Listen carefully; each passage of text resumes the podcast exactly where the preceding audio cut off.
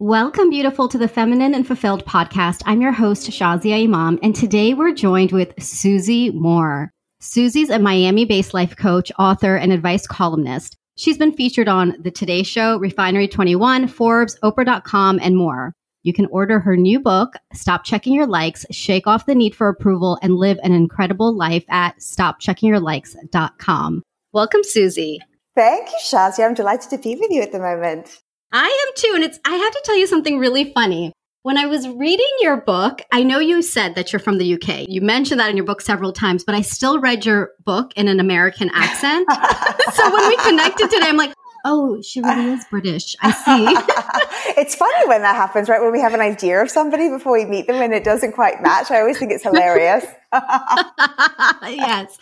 So I'm really excited to have you on because thank you for sharing your book. I had a chance to read it and it was phenomenal. And I'd love to hear what brought you to this place because writing a book is no easy feat. and I know a lot more about your life now, but let's give the audience an intro into who you are. Yes, well, it's a good question why write a book because it's almost like not something a sane person would choose, really. when you think about what goes into it, the time, the edits, the rewrites, all the kind of back and forth the mental anguish that goes into it. I mean, any author who I meet or who I read, I always have a real respect for because I feel as if the books that we have within us, the books that kind of come out of us, when they come from, you know, our place of really wanting to be intentional about sharing something that's useful or entertaining or that brings comfort or connection, it's because there isn't even really a choice. It's within us and we have to release it because it's easier to do it than to not do it and just, I guess, hold it all within. Mm, and you definitely shared quite a bit. So, one of the first things that I want to yes. ask you about this is actually something that stood out to me is that you made a decision before you were making half a million dollars, before yes. you were 30, and you made a decision to leave it all, to just go all in. Can you tell us about that? Yes, I've written about this a lot and I love talking about it because sometimes I like sharing the numbers because it gives people an understanding of what other people have done and what can be possible. And I feel as if, you know, I have a bit of a different understanding or appreciation of risk, I think, than some people, mm. because I don't think that safety is the goal, first of all, in our lives. But also, what is it to, you know, walk away from a career? Is there such a thing as job security? First of all, I would ask. And when you think about, you know, your life, your contribution, it's arguably the most important thing that you have in your lifetime. Doesn't that have to be the thing that you're most aligned with and excited about? And my career was in tech. I certainly had a really good time and I appreciated all of the things and the perks, certainly the money that I was given. But I knew it wasn't going to be my life's work. That isn't what was going to be the best use of me, certainly. And I thought to myself, you know, the worst case scenario is that I end up back in another job selling something similar. So I realized I was already kind of living my worst case scenario in my day to day life and kind of going all in on myself. Yeah, it certainly felt scary. There's a lot of uncertainty with that, but I think that there's uncertainty anyway. And the universe kind of meets you halfway when you do make a bold move. It feels very aligned with you if your intuition is kind of demanding it of you. And almost why not? If you succeed at something that you're not that passionate about or so, so passionate about, why wouldn't your success then completely follow you when you add magical passion to the mix too? Mm, the way you say it, I'm like, yes, yes, yes, yes. and I know myself, I imagine you felt like this too. And somebody listening might be thinking, but Susie, I'm scared. I'm really afraid that maybe I won't be good at the thing I'm passionate about. Maybe mm. I'm just deluded in what I'm thinking. Mm-hmm. Well, this is what I've come to learn, Shazia. Maybe it's one of the most important lessons I think that I've learned along the way. And it's this. It's that confidence, we get it wrong. We get it so wrong. We think that confidence is, you know, the thing that happens when you're a really good speaker or when you've had a lot of career success or when you can completely dominate a dinner party with your like witty banter or, you know, whatever it may be when you picture a confident person. It's actually simpler than that and more quiet than that. Mm. And it is simply your willingness to experience negative emotion. Mm. That's it. That's it. And when you can tolerate, know that you'll live through negative emotions, rejection, failure, embarrassment, humiliation, whatever it may be, knowing that negative emotions are just temporary emotions in the body, they move, they move through you the same way positive emotions do. if you can tolerate that and you're willing to tolerate negative emotion, what can't you do? What is it that is so scary then? Because the only thing that can really hurt you is a feeling, mm. a temporary feeling. So when somebody tells me that they're scared, I understand it's human. It's very human of us to be afraid. Our body, our mind, it's trying to protect us. But what is really the fear? The fear is that you will feel uncomfortable for a while. And a confident person is just willing to do that. And I choose to be a confident person because confidence is therefore a decision. Mm. You know, Susie, when you're sharing that, it reminds me of one of the stories that you had shared when you were young. And I believe it was Rosie's jacket. Oh, that yes. you were wearing. Can you share Rosie. that story with us? Yes. Oh my gosh. Any kid who's ever had free school lunches, hand me down clothes. I mean, I hear you. I see you. I feel you. As a kid, it is so embarrassing, right? It is so, so, so embarrassing. If people kind of even know, like they even kind of know that your family have no money, that, you know, the school has to feed you, that the clothes that you're wearing aren't yours, they're not brand new. And there was this girl in this girl in my class, and I was one day wearing her cardigan because it was what we had, like from the donations that were given. And it had her name written marker. And I remember one day, in the UK it's not that hot all the time, but one day it was really hot and everyone was so happy and excited running around outside. And you know, you're hot as a child. And I didn't run around outside and I was hot indoors because I couldn't risk someone knowing that I was wearing Rosie's cardigan. I couldn't take it off. And I kind of look back now and I feel like, oh, like, you know, little Susie, I think it's so important to speak to the child in us, by the way. I have a meditation for this in my book, but I just remember like feeling so embarrassed, like thinking, oh my gosh, this would be the worst thing in the world for somebody to know that I was wearing somebody else's cardigan. And as a child, I have so much empathy for myself and anybody who's experienced that and seeing it through adult eyes now, it can be an emotional thing, but I understand that there's nothing wrong with that. I didn't do anything wrong. I wasn't less worthy than anybody else. And as an adult now, where I get to make my own choices and where I get to kind of choose how I feel, the, the feeling of, you know, being less than other people, not as good and having something to hide isn't something that I'm choosing. Hmm. Yes, I'm really loving what you're saying because now I'm almost going to call my fear Rosie's jacket. I think I'm going to call my fear Rosie's jacket because yes. metaphorically, you know, what I'm hearing you say is that well, what I think of it when I think about your story with Rosie's jacket, it really stood out to me because whether you were ashamed to take it off because everybody would know that you were wearing a hand me down, or whether, you know, I might be scared if I really boldly speak my truth, what will people think? Will they like me? I mean, whatever ultimately we're afraid of, there's something that keeps us wearing Rosie's jacket. There's mm-hmm. something that keeps us like holding on to this thing rather than actually taking it off and showing ourselves. Mm-hmm. Who cares about Rosie's jacket? Ultimately, it's just a thing. But right. what about the person inside? I'm just really feeling into this this idea of what would it be like to just put Rosie's jacket off? Who cares what people think and just show up?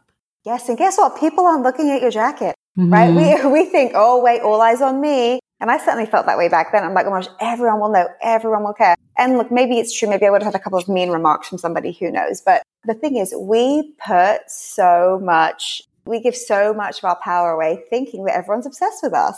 right? But like, mm-hmm. oh, you know, can't do that because then everyone will know and everyone will care and everyone will judge.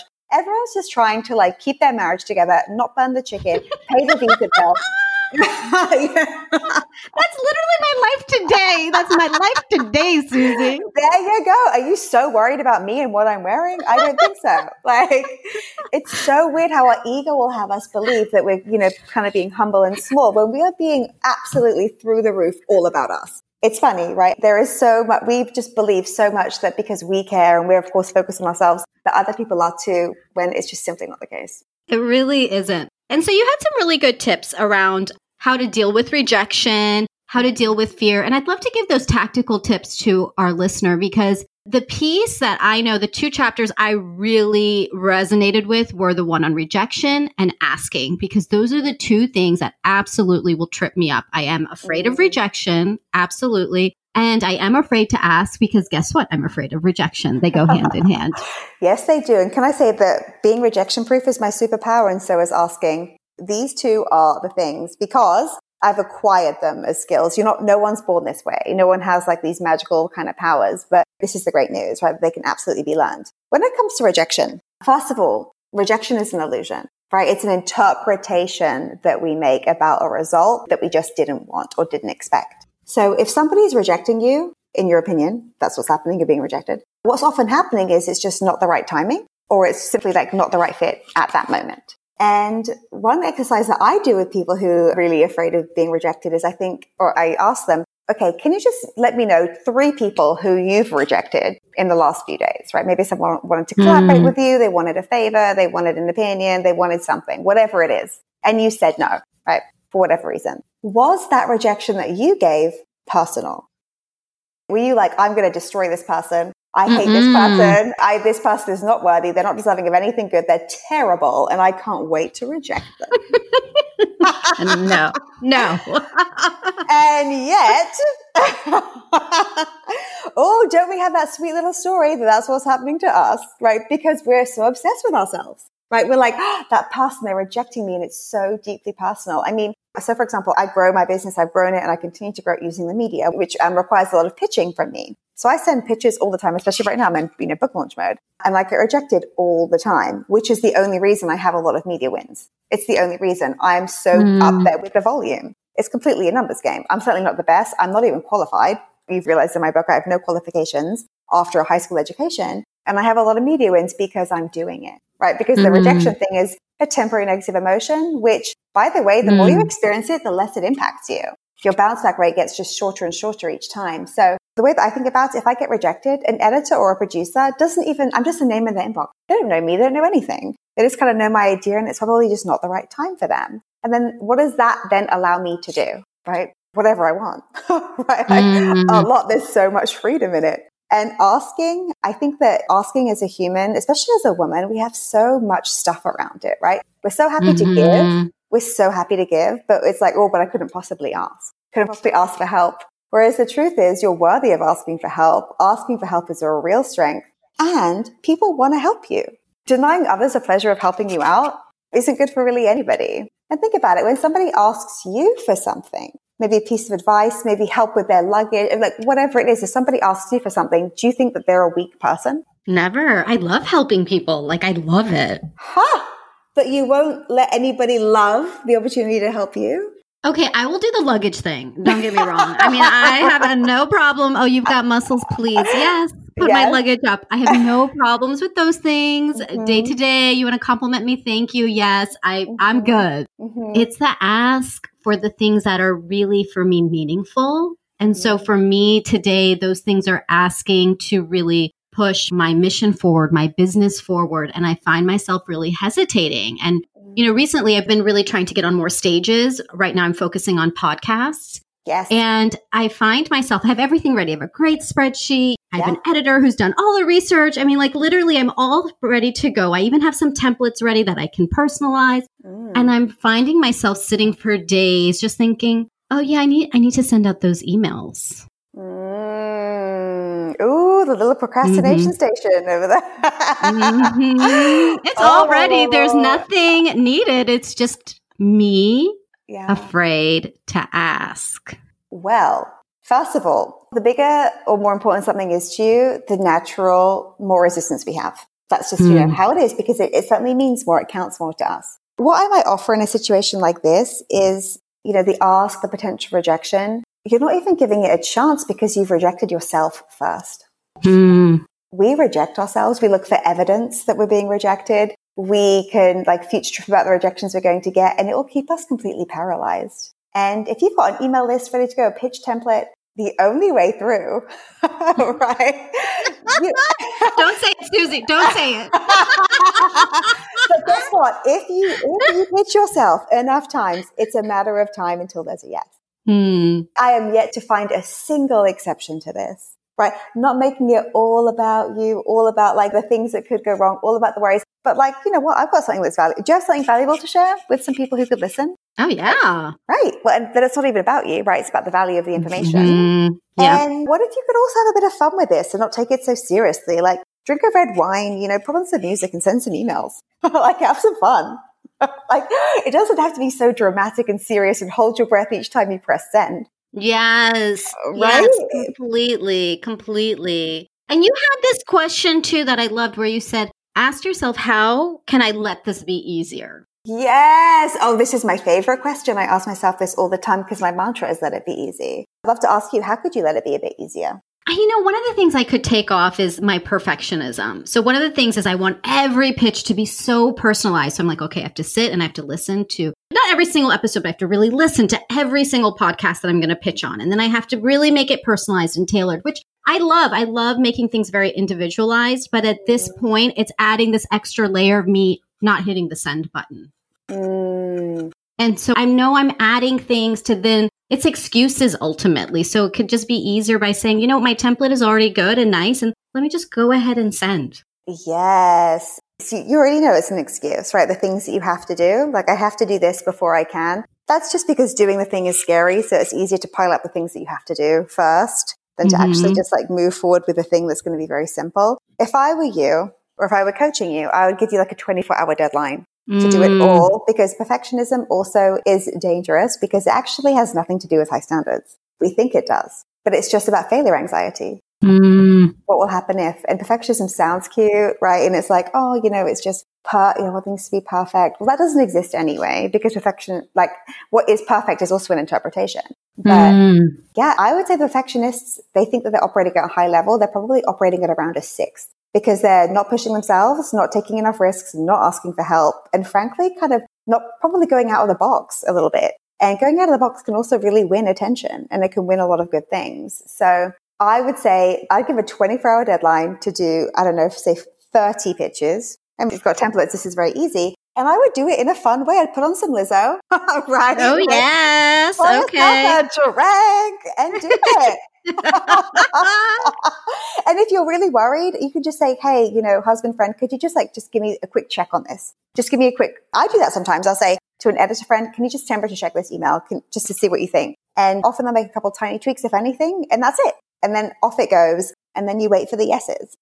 Okay. Challenge yeah. accepted, Susie. Thank you. I love this. Please yeah. come on for an interview next week too, and the week after, and let's just have you on every week so I get all this amazing coaching. well, the thing, the thing I love about the deadline is it's like you can't overthink it.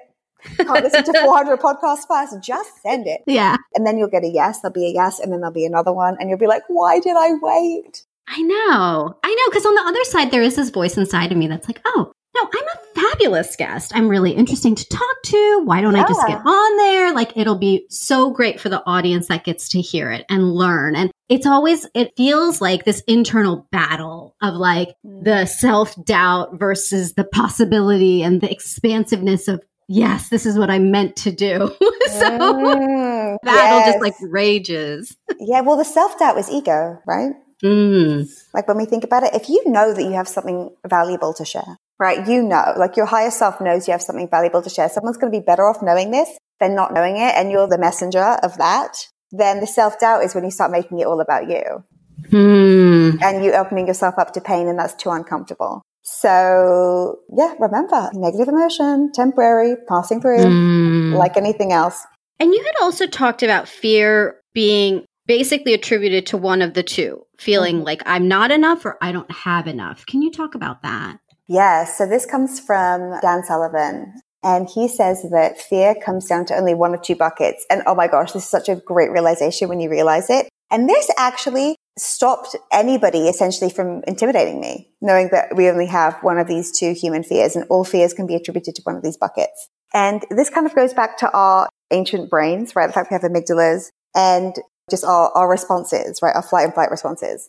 So mm-hmm. understanding that any fear that you have belongs to I'm not enough, which is typically the most dominant fear, or I don't have enough. And anything I am not enough will come down to your worthiness. And that is anything. In most cases, if someone says, I'm scared to do this, I don't like rejection, I don't like this, I don't like that, I can't risk being embarrassed, I can't risk being wrong, I can't risk making a mistake, it's because we think it will then point to our lack of worthiness, taking up space in this world. Mm. And then the hmm. other fear being, I don't have enough, this is typically why we seek security in the form of money, in the form of possessions, right? Because in the, let's just say the cave days, if the tribe abandoned you, you'd be left to fend for yourself if you didn't have the things, if you didn't have the resources. And so often that's how we try and make ourselves safe by acquiring things and becoming rich. Not that becoming rich is a sin by any means. I love money, right? But knowing is my intention for this to make myself safe or is it for something else? Is it because I think it'll make me feel worthy, like I'm more enough if I have mm. more? And your enoughness isn't up for debate ever. It's permanent and fixed for every human because you're here. That's it. And so understanding like where can I put this fear already really separates you from the fear. It can go, okay, great. Where is my brain struggling right now? Where can I place this? I find it so helpful because if you take any problem and then keep saying, yeah, okay, and then what? And what does this mean? And what, and what does this mean? What does this mean? Then you get to one of these two answers. Mm. Which is pretty, yes. I mean, it's pretty wonderful. And then you realize, hey, as humans, we're all just the same.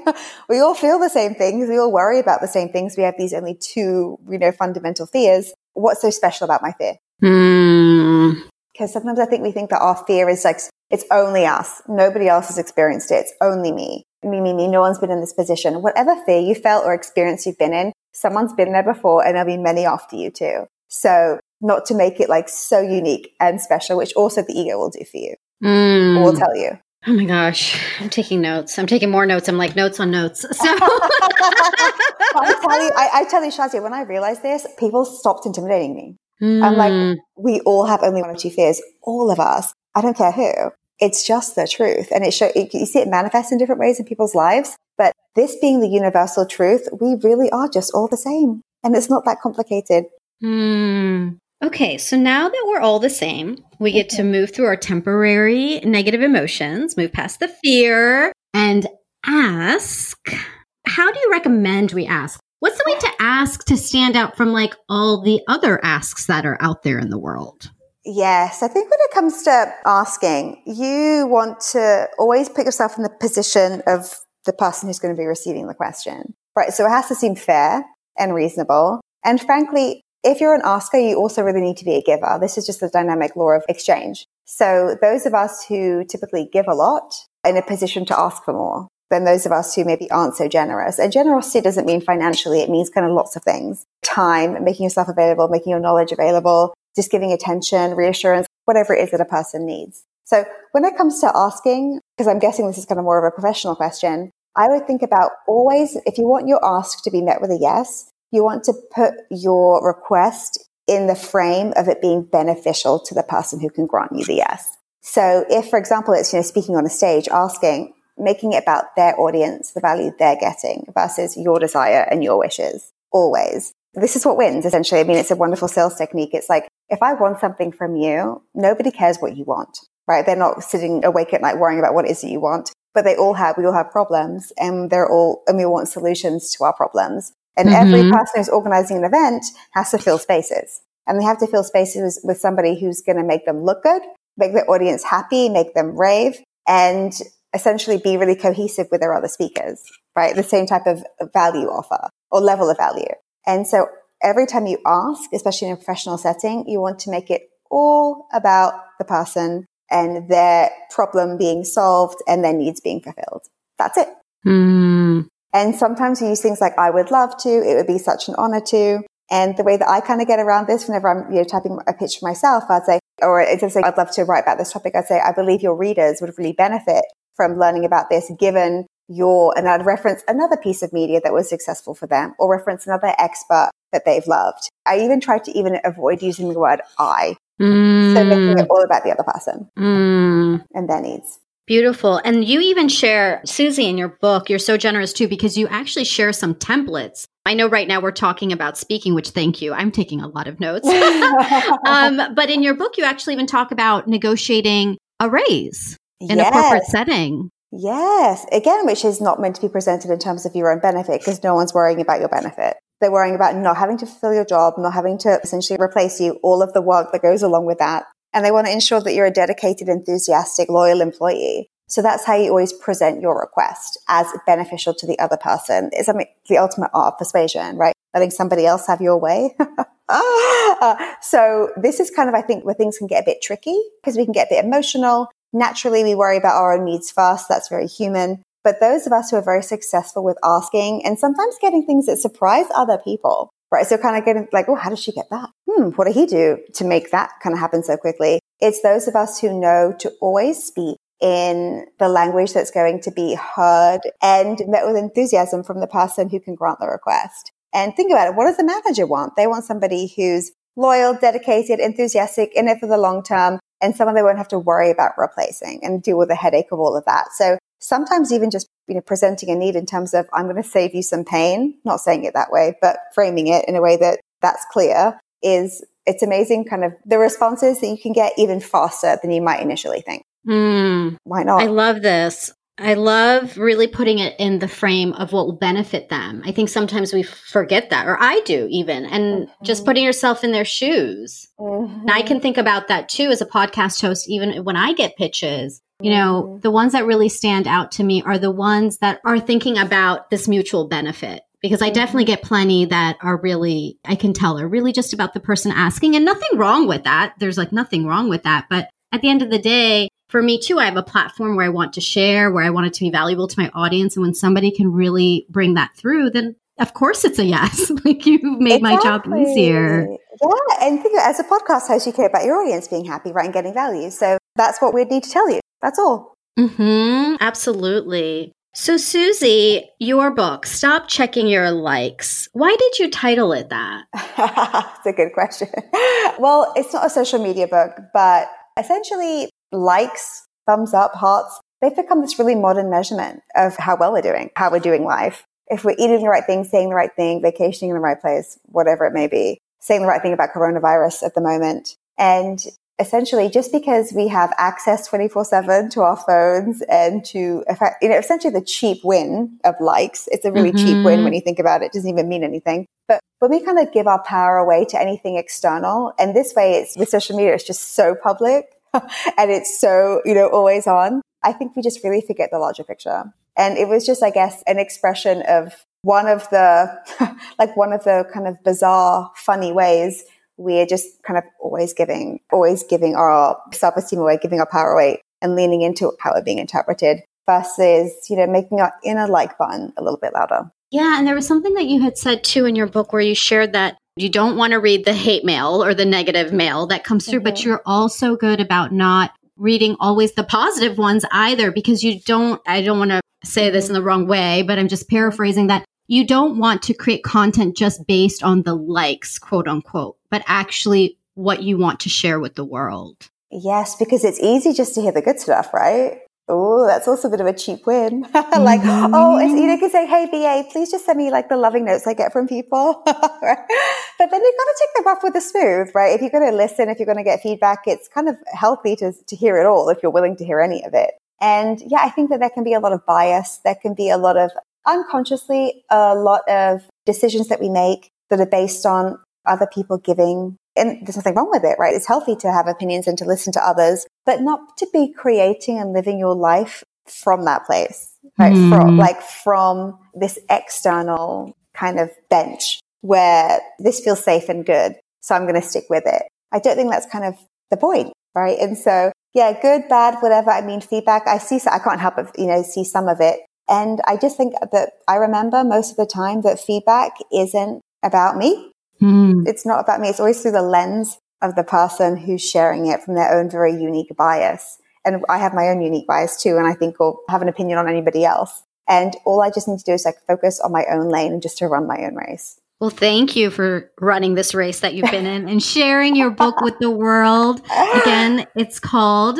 I'm going to hand it over to you, Susie, to plug your book because I am going to say everybody needs to get it. It's fantastic. I really enjoyed it. I, I couldn't put it down. And then I say that after reading a ton of books. So it was really nice to have something that kept my interest. Thank you so much for your lovely endorsement. So it's called Stop Checking Your Likes. You can get it anywhere books are sold. If you get it before the end of April at stopcheckingyourlikes.com, there is a juicy book bonus if you um, just fill out a one minute form. And yeah, I mean, that's all you need to know. My site, if you want to just get some other free confidence resources, is Susie, S-U-S-I-E dash M-O-O-R-E dot com. Beautiful. You can find it at our show notes at thelifeengineer.com slash podcast slash Susie, S-U-S-I-E. And thank you, Susie, so much for joining us today. This was such a fantastic interview. And thank you for sharing all the things. And thank you for the coaching, too. I really appreciate it. I will see you on some stages, and the 24 hour deadline starts now. Ah, okay. I'm in. thank you so much, Shazia. Mwah.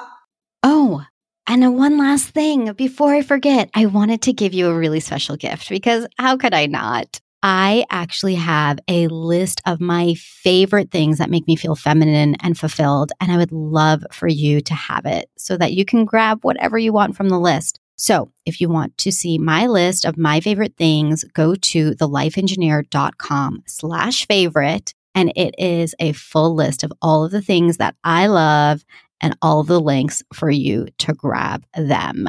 So that's thelifeengineer.com slash favorite. And I just had to give you a gift, beautiful, because um, you deserve a fabulous gift. And why not all of the most favorite things to make you feel feminine and fulfilled? Okay. Love you.